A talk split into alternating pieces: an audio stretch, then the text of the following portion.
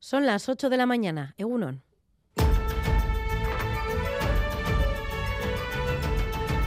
Crónica de Euskadi con Irache Martínez. La orden de traslado de los cinco últimos presos de ETA a cárceles vascas pone fin a la dispersión después de casi 35 años. Joseba Azcárraga, portavoz de SARE, anoche en Gambara hoy diríamos que es un día importante, ¿no? No sé si eh, cabe el, eh, decir que es un día histórico, pero es un día muy importante porque termina una etapa, una larga etapa, una sufrida etapa y debe comenzar otra a partir de ahora, ¿no? 35 años va a ser el mes de noviembre próximo, ¿no? En el que, bueno, ni un solo eh, fin de semana se ha dejado de ir a visitar a, a los familiares presos y esto, bueno, pues por fin se ha llegado el momento de que se ha puesto punto final, ¿no? Ha tardado mucho, ¿no?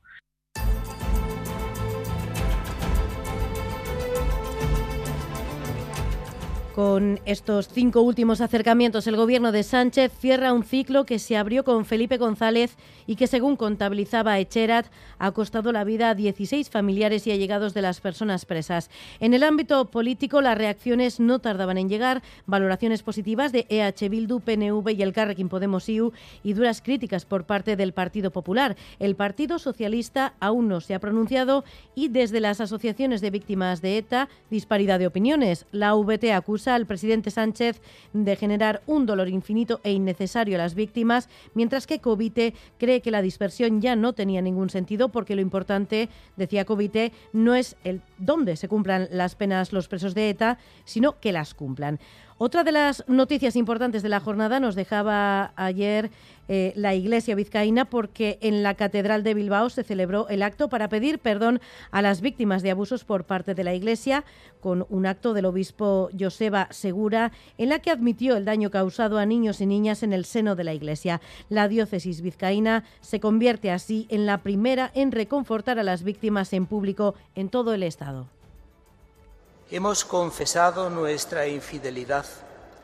Hemos recordado a quienes sufrieron siendo niños y niñas. Ayúdanos para que puedan encontrar en la comunidad cristiana toda la comprensión y el apoyo que merecen. Haz que nunca les falte el reconocimiento y el afecto de todos y en clave económica, la caída de las acciones de Deutsche Bank arrastraba este viernes a los bancos europeos. Los seguros contra impagos del principal banco alemán se dispararon en una jornada complicada para las bolsas europeas que sufrían la desconfianza de los inversores. Enseguida vamos con estos y otros asuntos, pero antes vamos con un adelanto de la actualidad deportiva. John Zubieta, Egunon. Hola, Egunon. Empezamos por fútbol femenino, por el partido de San Mamés, en el que se dieron cita casi 12.000 espectadores para que el Atlético arrancara a última hora un empate a uno ante el Sevilla.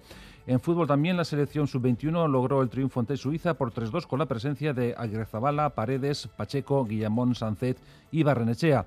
Hoy entra en acción la selección de De La Fuente ante la Noruega de Sorlot, Kepa, Íñigo Martínez, Nico Williams, Miquel Merino, Zubimendi y Oyarzabal pueden jugar hoy, no así David García, que ha sido finalmente descartado. También por lo que respecta a la pelota, Alberdi ganó 22-18 a Aguirre en la previa para el manista de primera, Pello Echeverría también a Ariz ganó por el mismo tanteador y Zabal y Gascue jugarán la final del manista de promoción ante la Razable Esquiroz tras ganar a Bacaicoa y Morga Echeverría.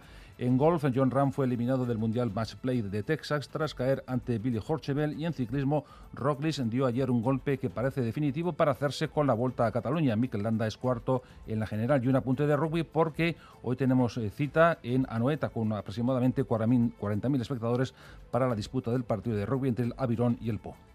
Tenemos ahora mismo 9 grados en Bayona, 8 en Donostia, 7 grados en Bilbao, 2 en Iruña y menos 1 en Vitoria-Gasteiz. Vamos ya con el pronóstico para las próximas horas. Euskalmete, Gusquiña y Turrioz, Egunon.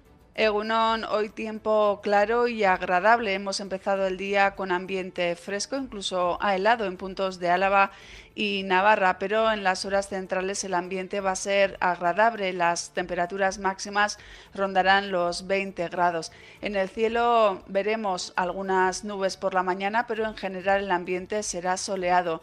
Luego por la tarde irá aumentando la nubosidad, por la noche el cielo quedará cubierto y a últimas horas podría llover un poco. Pero en general ambiente soleado y agradable con viento de componente sur. En carreteras, atención a esta hora en la Nacional 1, a la altura de Idiazábal, sentido Gasteiz, un camión averiado obstaculiza el carril derecho. Recuerden, N1 a la altura de Idiazábal, sentido Gasteiz. En el control técnico, Joseba Urruela, Jesús Malo y Maitán Bujedo, son las 8 y 5 minutos de la mañana. Comenzamos. Crónica de Euskadi, con Irache Martínez.